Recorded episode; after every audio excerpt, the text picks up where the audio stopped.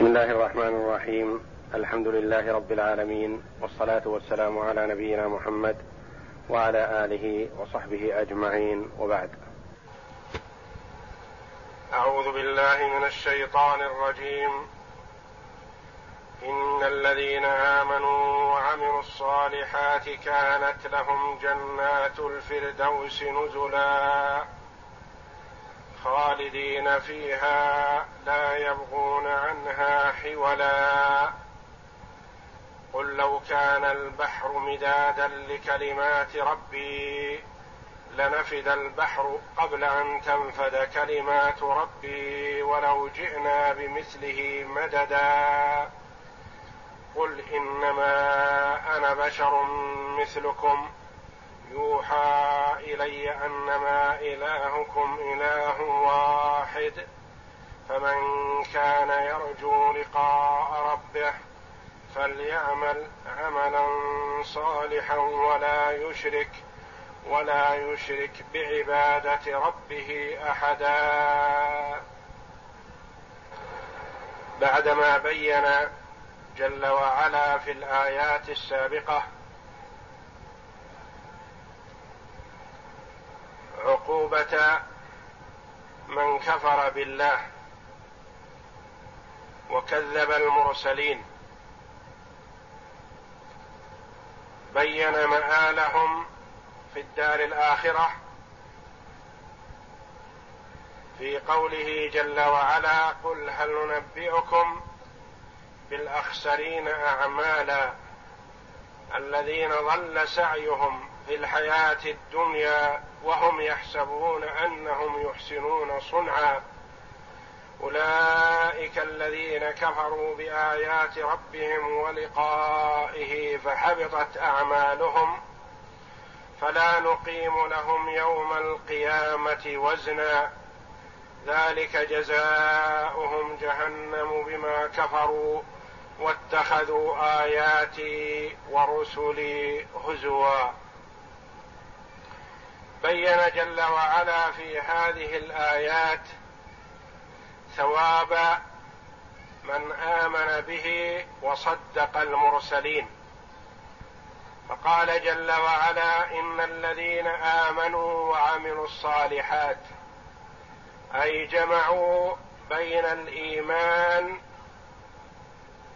الذي هو التصديق الجازم بالقلب وعمل الصالحات بالجوارح بالبدن. جمعوا بين الإيمان والعمل.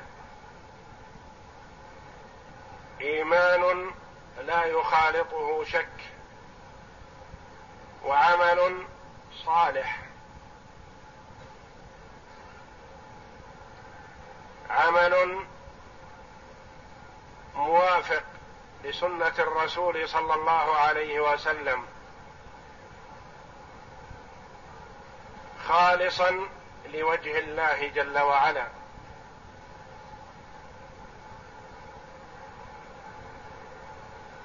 فهؤلاء جمعوا بين الإيمان والعمل.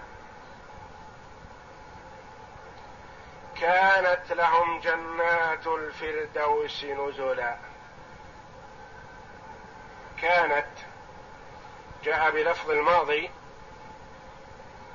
لأن الله جل وعلا علم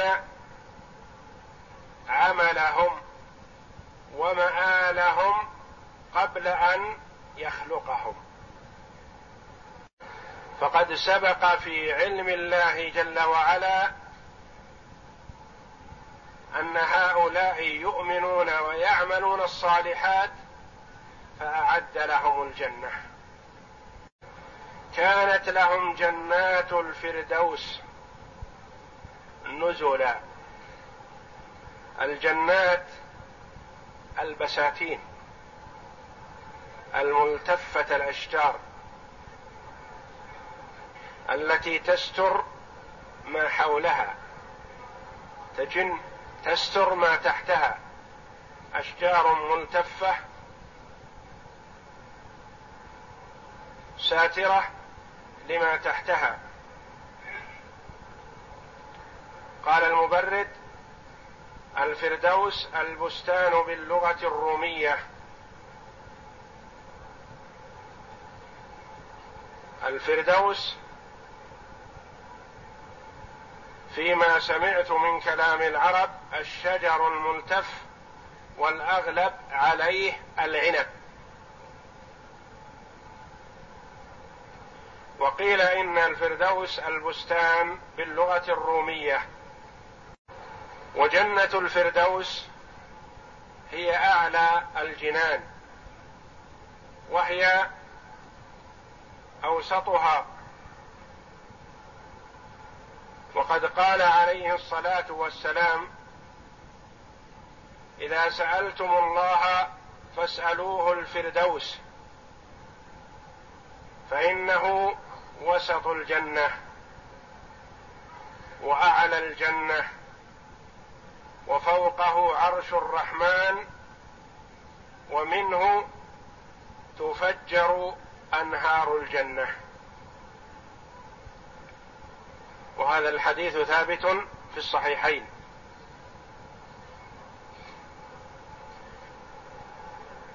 وسط ووسط الجنة. وسط بمعنى خيار. وأفضل مكان في الجنة. ووسط بمعنى متوسطة بين الجنان. فوسط بمعنى خيار.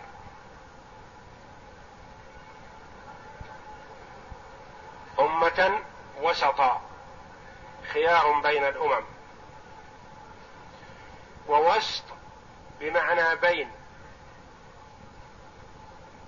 وسط الجنان بمعنى بينها.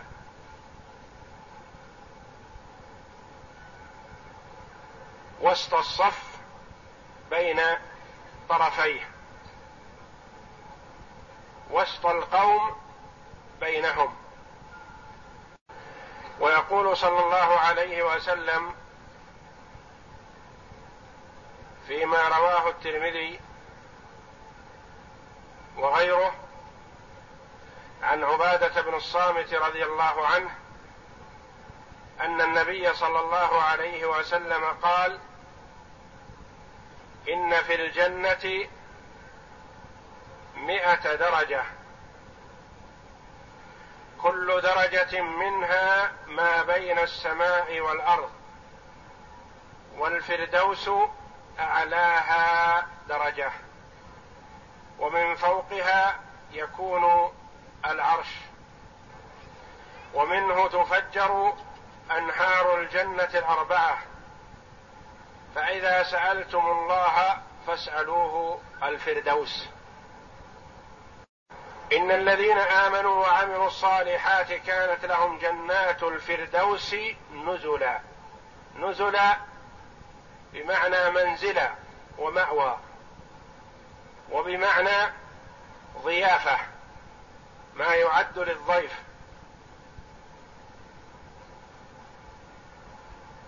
ولا منافاة. بينهما فهي منزل حسن ونزل للضيف كريم خالدين فيها خالدين فيها. بمعنى مقيمين فيها دائما وأبدا. وإعرابها حال. خالدين فيها من الخلود وهو البقاء باستمرار. لا يبغون عنها حولا. قد يكون المرء في المكان الحسن لكن من طول الإقامة يحصل عنده الملل ويحب أن يغير المكان. لكن هناك لا لا ملل ولا رغبة في التغيير. بل يرغبون البقاء والإقامة لا يملون ولا يريدون الظعن ولا الرحيل منها ولا التحول منها لما هم فيه من النعيم الذي لا يريدون فوقه شيء. لا يبغون عنها حولا كذلك الجملة في محل نصب حال.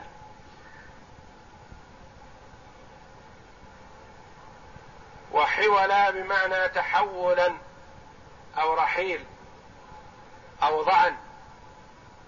لا يريدون شيئا من ذلك بل هم مسرورون فيما هم فيه لا يريدون غيره. وعن عبد الله بن الحارث أن ابن عباس رضي الله عنهما سأل كعبا عن الفردوس فقال هي جنات الأعناب بالسريانية. ويقول الإمام مجاهد رحمه الله في قوله تعالى لا يبغون عنها حولا. قال متحولا.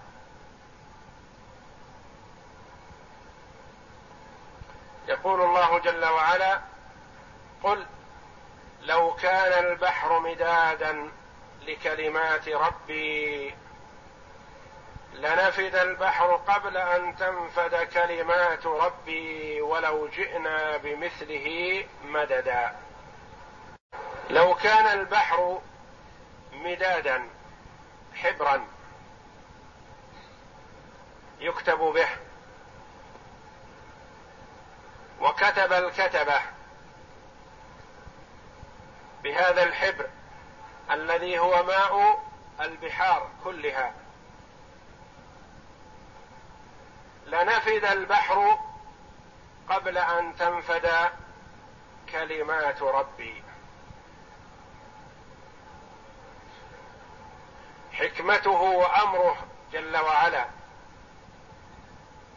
وعلمه ولو جيء له بمدد كثير من البحار غير الموجودة لنفدت كلها وكلمات ربي لم تنفد ولن تنفد. وفي هذا رد على اليهود كما تقدم لنا قريبا. حينما نزل قوله جل وعلا وما أوتيتم من العلم إلا قليلا. جاءوا للنبي صلى الله عليه وسلم وقالوا له إنك قلت من يؤتى الحكمة فقد أوتي خيرا كثيرا.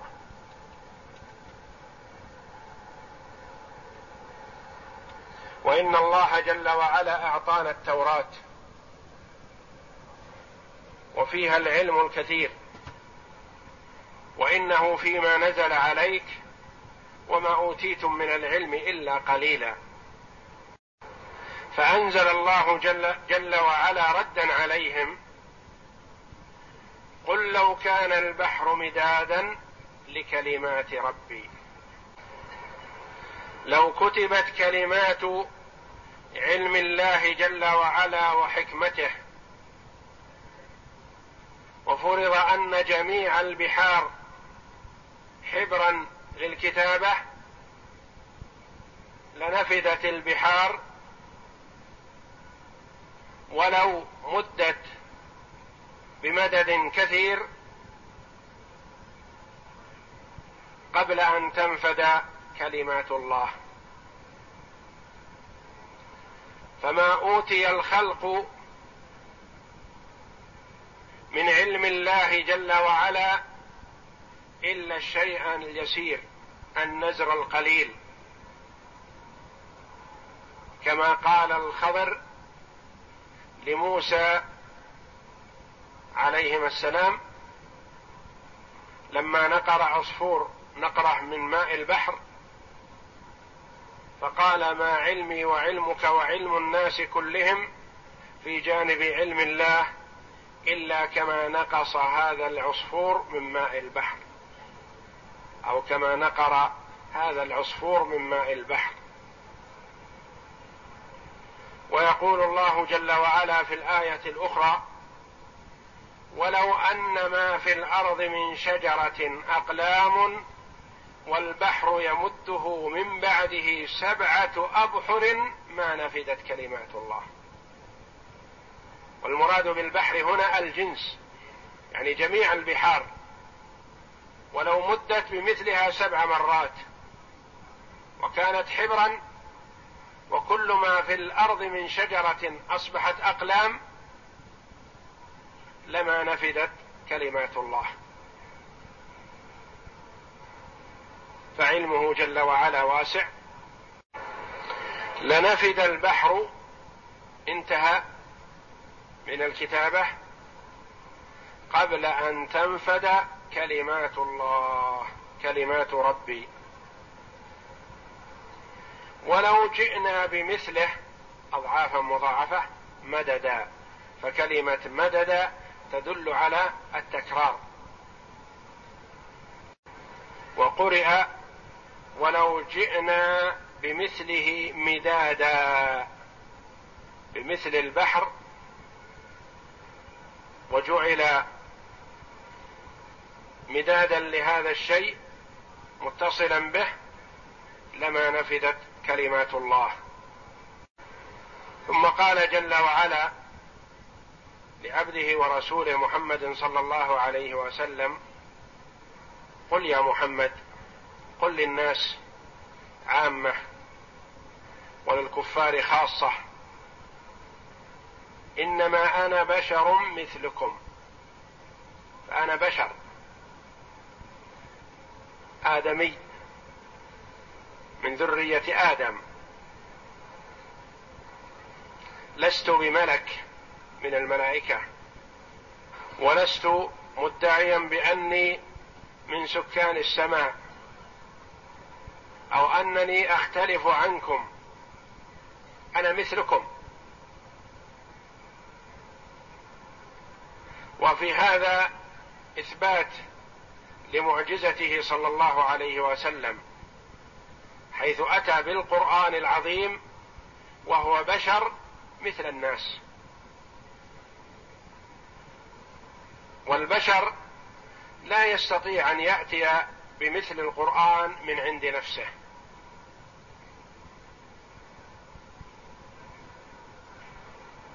فالآية اولا تشعر بتواضعه صلى الله عليه وسلم.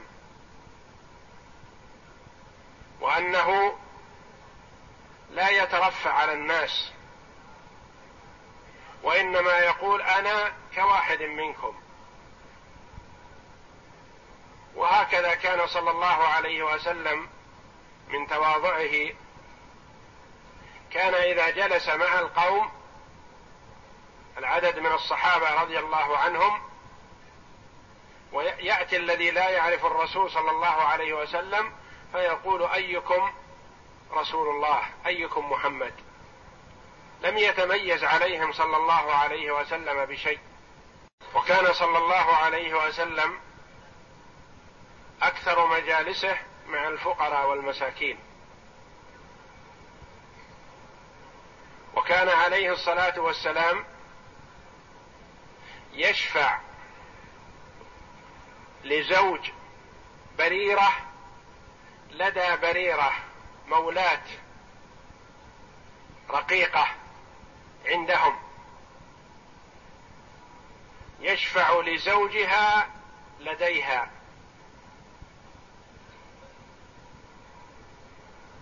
ويتصدق بالصدقة على بريرة فتقدمها للرسول صلى الله عليه وسلم. وتخبره أنها صدقة وهو عليه الصلاة والسلام لا يأكل الصدقة فيقول هي صدقة لك لبريرة وهدية منها لنا. ولما عتقت وزوجها لا يزال رقيق خير بين البقاء مع زوجها وبين أن تفارقه لأن أصبحت حرة وهو رقيق.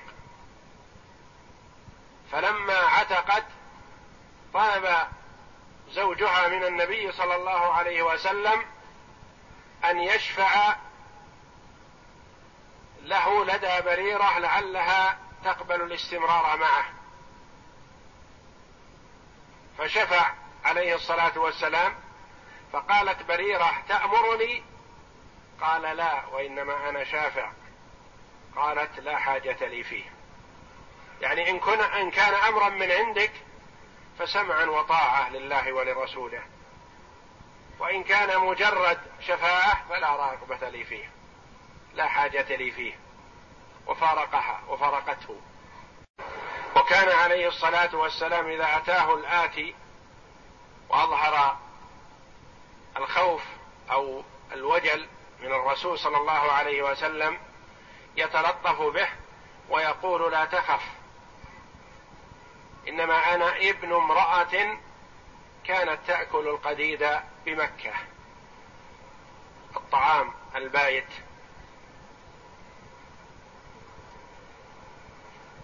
لا تخف. والله جل وعلا يأمره بذلك وهذا من أدب ربه له حيث يقول عليه الصلاة والسلام أدبني ربي فأحسن تاديبي قل إنما أنا بشر مثلكم. كأي واحد منكم. إنما ميزني الله جل وعلا بميزة واحدة.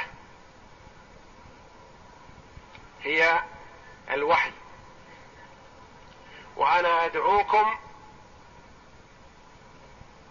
إلى ما أوحى الله جل وعلا, وعلا إلي به. يوحى إلي انما إلهكم إله واحد. يوحى إلي. والموحي إليه هو الله جل وعلا. فهو نبأه الله جل وعلا وأرسله بالوحي.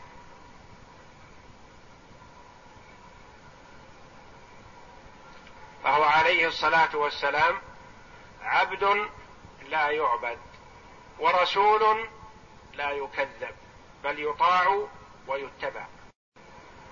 ومعنى شهادة أن محمد رسول الله طاعته صلى الله عليه وسلم فيما أمر وتصديقه فيما أخبر واجتناب ما نهى عنه وزجر والا يعبد الله إلا بما شرع.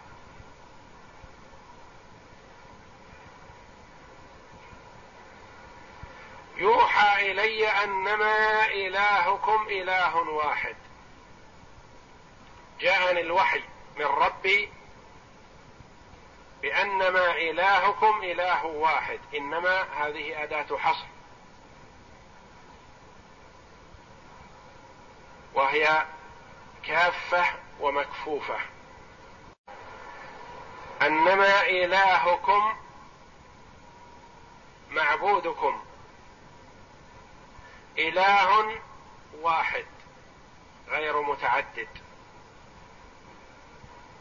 ولا يصح أن يعبد معه غيره وإنما يفرد بالعبادة. وهو معنى لا إله إلا الله. إفراد العبادة لله وحده.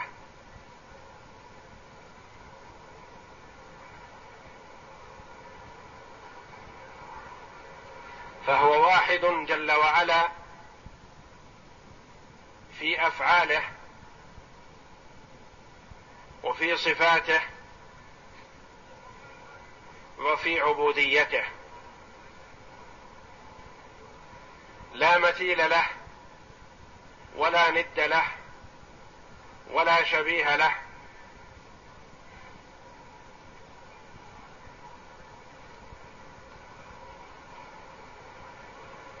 يفرد جل وعلا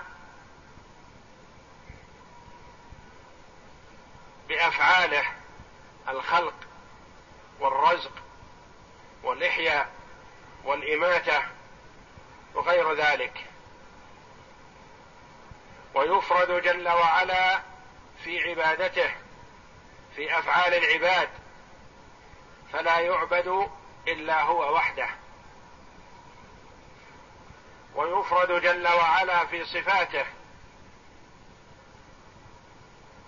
فصفاته لا تشبه صفات المخلوقين. ينزه عن الشبيه والمثيل والند. تثبت له صفات الكمال. وتنفى عنه صفات النقص والعيب.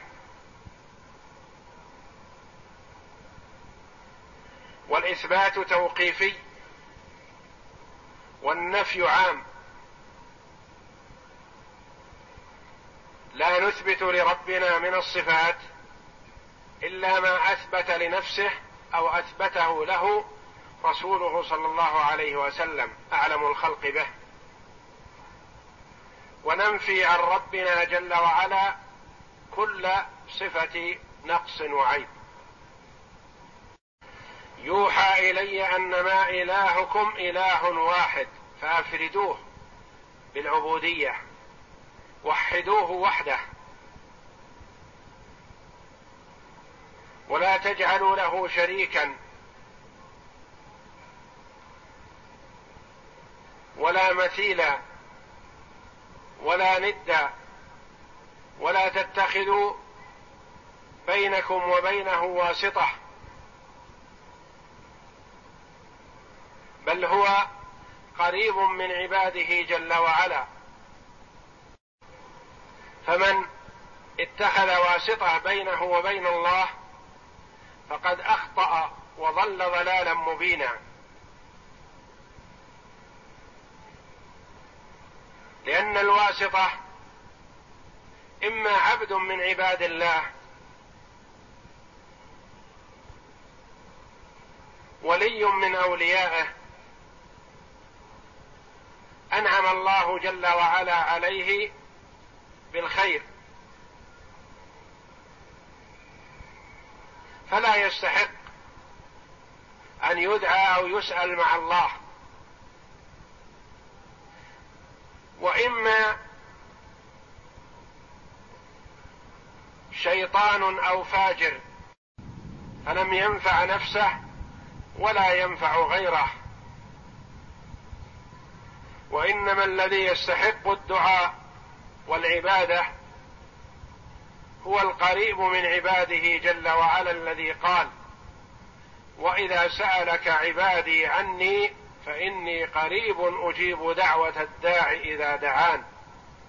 فليستجيبوا لي وليؤمنوا بي لعلهم يرشدون. الذي يعلم ما في نفس عبده قبل أن يتكلم به. ولقد خلقنا الإنسان ونعلم ما توسوس به نفسه ونحن أقرب إليه من حبل الوريد. يعلم خائنة الأعين وما تخفي الصدور. من طوى عليه قلب الإنسان من خير وشر يعلمه جل وعلا.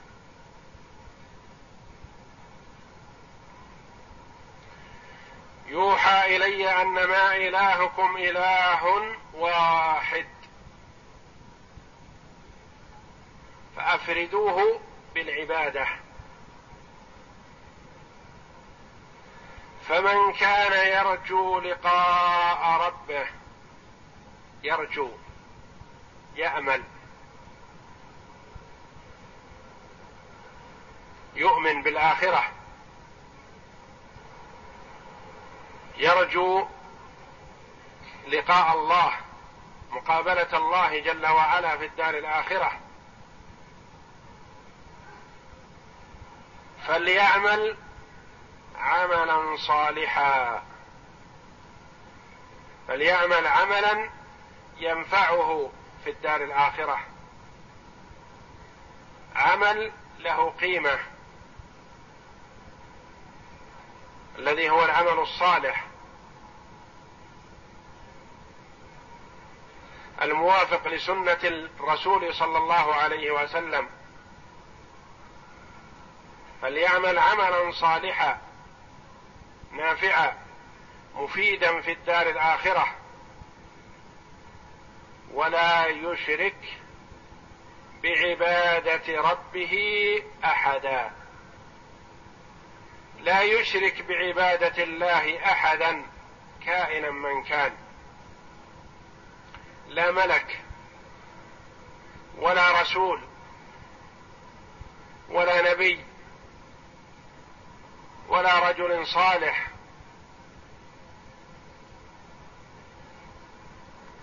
ولا شجر ولا حجر ولا جماد. ولا يشرك بعبادة ربه أحدا لا يلتفت إلى غير الله جل وعلا في العبادة. لا يطلب النفع أو كشف الضر من غيره. لا يطلب الرزق إلا منه. فليعمل عملا صالحا. موافق لسنه الرسول صلى الله عليه وسلم خالصا لوجه الله جل وعلا. وهذه الآية فيها تحذير من الشرك صغيره وكبيره.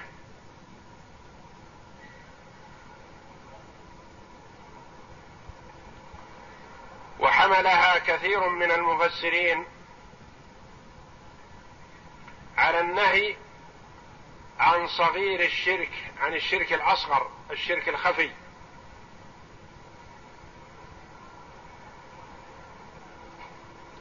وبعضهم قال هي عامة تتناول الشرك الأكبر والشرك الأصغر. وقد تخوف النبي صلى الله عليه وسلم على هذه الأمة الشرك الأصغر تخوفا شديدا تحذيرا للأمة منه. ولما أظهر بعض الصحابة الخوف من المسيح الدجال قال هناك ما هو أخوف عندي عليكم من المسيح الدجال.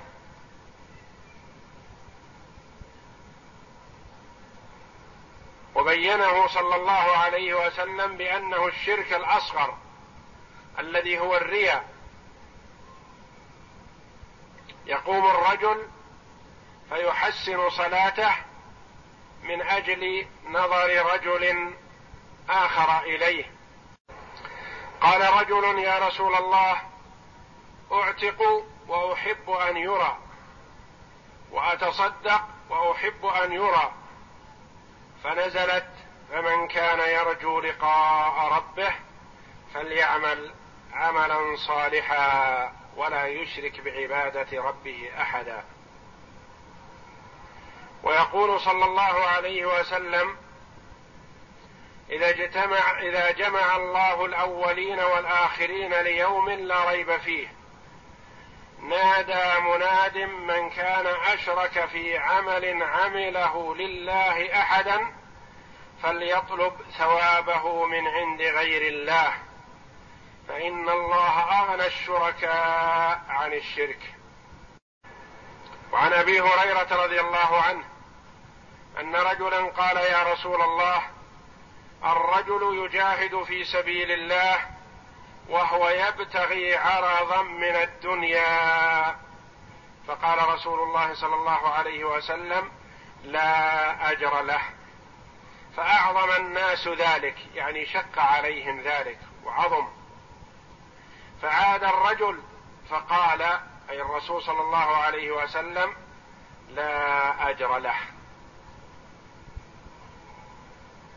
وعن شداد بن أوس رضي الله عنه قال كنا نعد الرياء على عهد رسول الله صلى الله عليه وسلم الشرك الأصغر. مراعاة الإنسان بعمله محبة أن يرى عمله الصالح.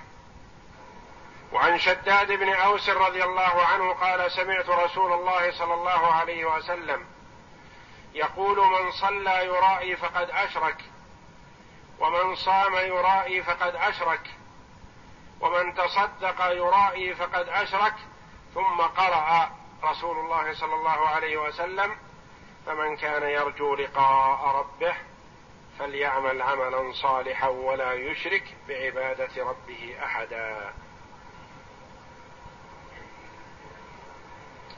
وعن أبي سعيد الخدري رضي الله عنه قال قال رسول الله صلى الله عليه وسلم ألا أخبركم بما هو أخوف عليكم عندي من المسيح؟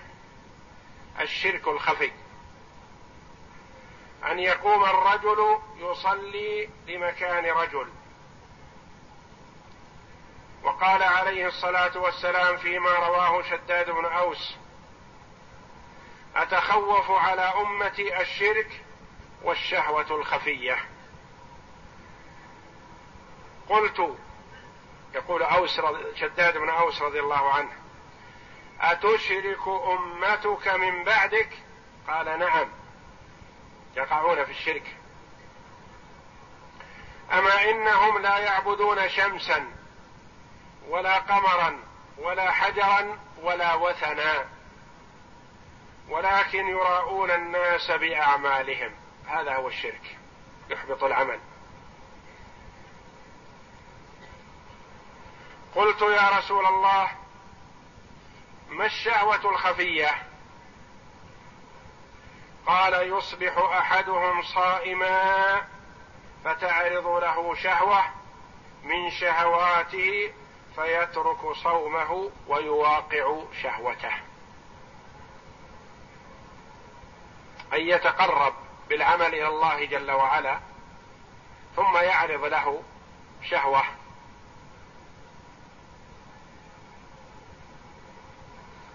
فيبدأ ويقدم شهوته على الطاعة.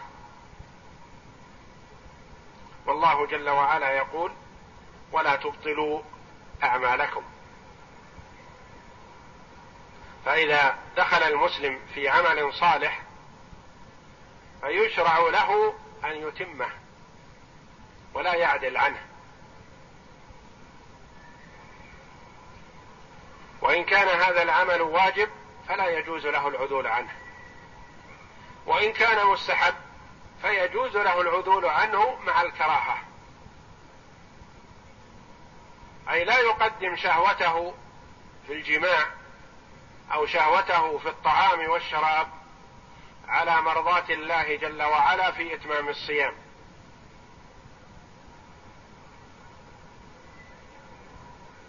وسماها الرسول صلى الله عليه وسلم الشهوة الخفية يعني يقدم شهوته على طاعة الله جل وعلا.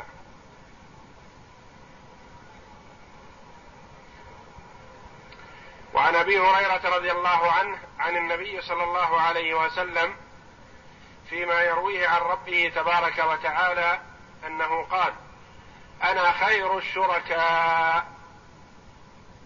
فمن عمل عملا أشرك فيه غيري فأنا بريء منه. وهو للذي أشرك.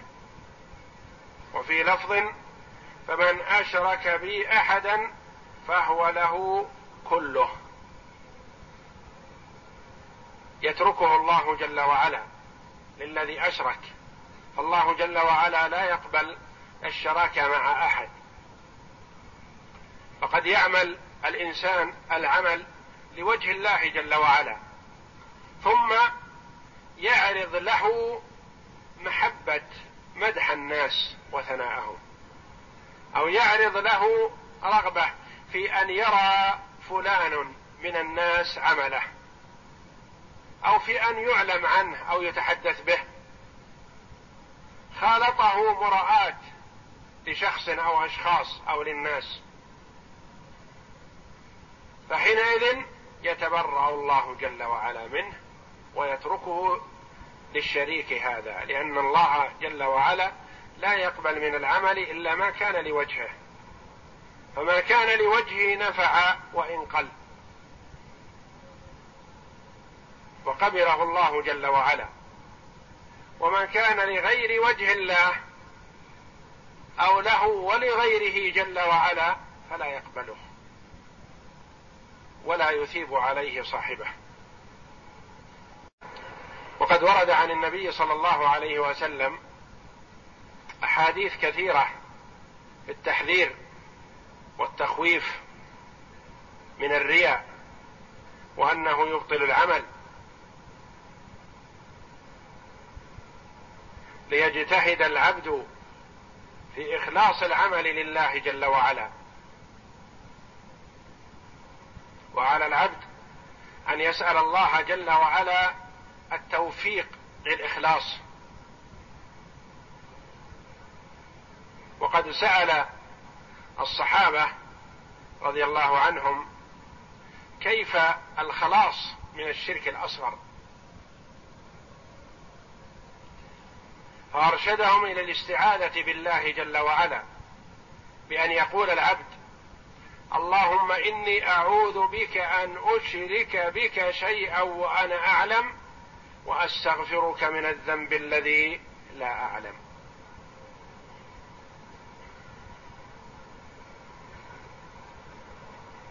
والعبد إذا عرف الحقيقة ابتعد عن الرياء. لأنك تراعي لمن؟ لمثلك. إنسان لا يملك لا ينفعك ولا يضرك. وإذا رأيت حبط العمل كله. ما لم يكن خالصا لوجه الله فإنه يحبط. ويصير حظ المرء من عمله التعب فقط وثناء الناس في الدنيا. وهذا لا يفيده في الدار الآخرة شيء. وهذا يحتاج إلى جهاد النفس وإقناعها بأن الخلق لا يستحقون أن يشركوا في العمل الذي لله. وعلى العبد أن يحرص كل الحرص على إخفاء عمله الذي يمكن إخفاؤه. ولهذا ذكر الرسول صلى الله عليه وسلم من السبعة الذين يظلهم الله جل وعلا تحت ظل عرشه يوم لا ظل إلا ظله. رجل تصدق بصدقة فأخفاها حتى لا تعلم شماله ما تنفق يمينه. يعني حرص على إخفاء صدقته حتى لا يعلم عن ذلك أحد. وكان بعض السلف رحمهم الله يقومون على بعض البيوت بالإنفاق من دون أن يعلم صاحب البيت المنفق عليه من الذي يتولى ذلك. ولا يعلمون إلا بانقطاع النفقة بموته. إذا مات توقفت النفقة عرفوا أن المنفق هو فلان. من يأخذ النفقة لا يدري من أين تأتيه من شدة إخفاء السلف رحمهم الله لأعمالهم الخيرية.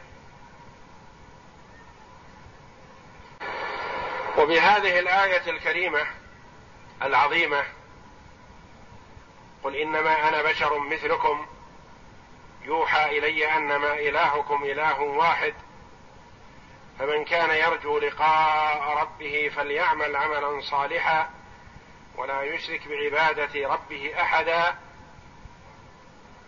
ختام سورة الكهف. هذه السورة العظيمة. وفي هذا الختام يقول عليه الصلاة والسلام فيما أخرجه الطبراني وابن مردويه عن أبي حكيم قال قال رسول الله صلى الله عليه وسلم لو لم ينزل على أمتي إلا خاتمة سورة الكهف لكفتهم.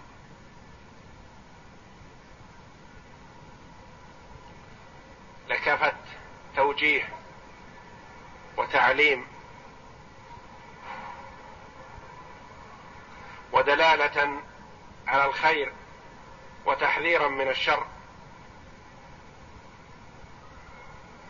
وعن عمر بن الخطاب رضي الله عنه قال قال رسول الله صلى الله عليه وسلم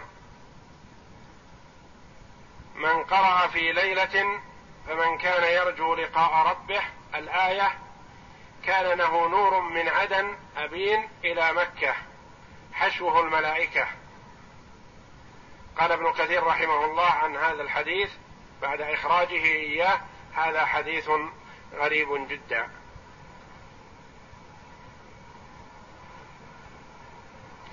وروي عن معاوية رضي الله عنه قال بعدما تلا هذه الآية فمن كان يرجو لقاء ربه الآية قال إنها آخر آية نزلت من القرآن.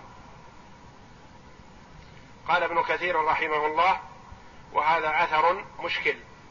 مروي عن عن معاوية. فإن هذه الآية هي آخر سورة الكهف. والكهف كلها مكية. يقول رحمه الله ولعل معاوية أراد أنه لم ينزل بعدها ما ينسخها ولا يغير حكمها لأن هذه الآية لا تقبل النسخ ولا يتغير حكمها لأنها في إفراد العبادة لله جل وعلا وحده.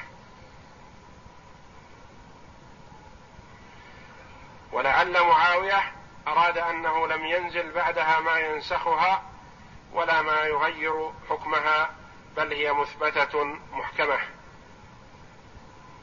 يقول فلعله اشتبه ذلك على بعض الرواة فروى ذلك بالمعنى بأنها آخر ما نزل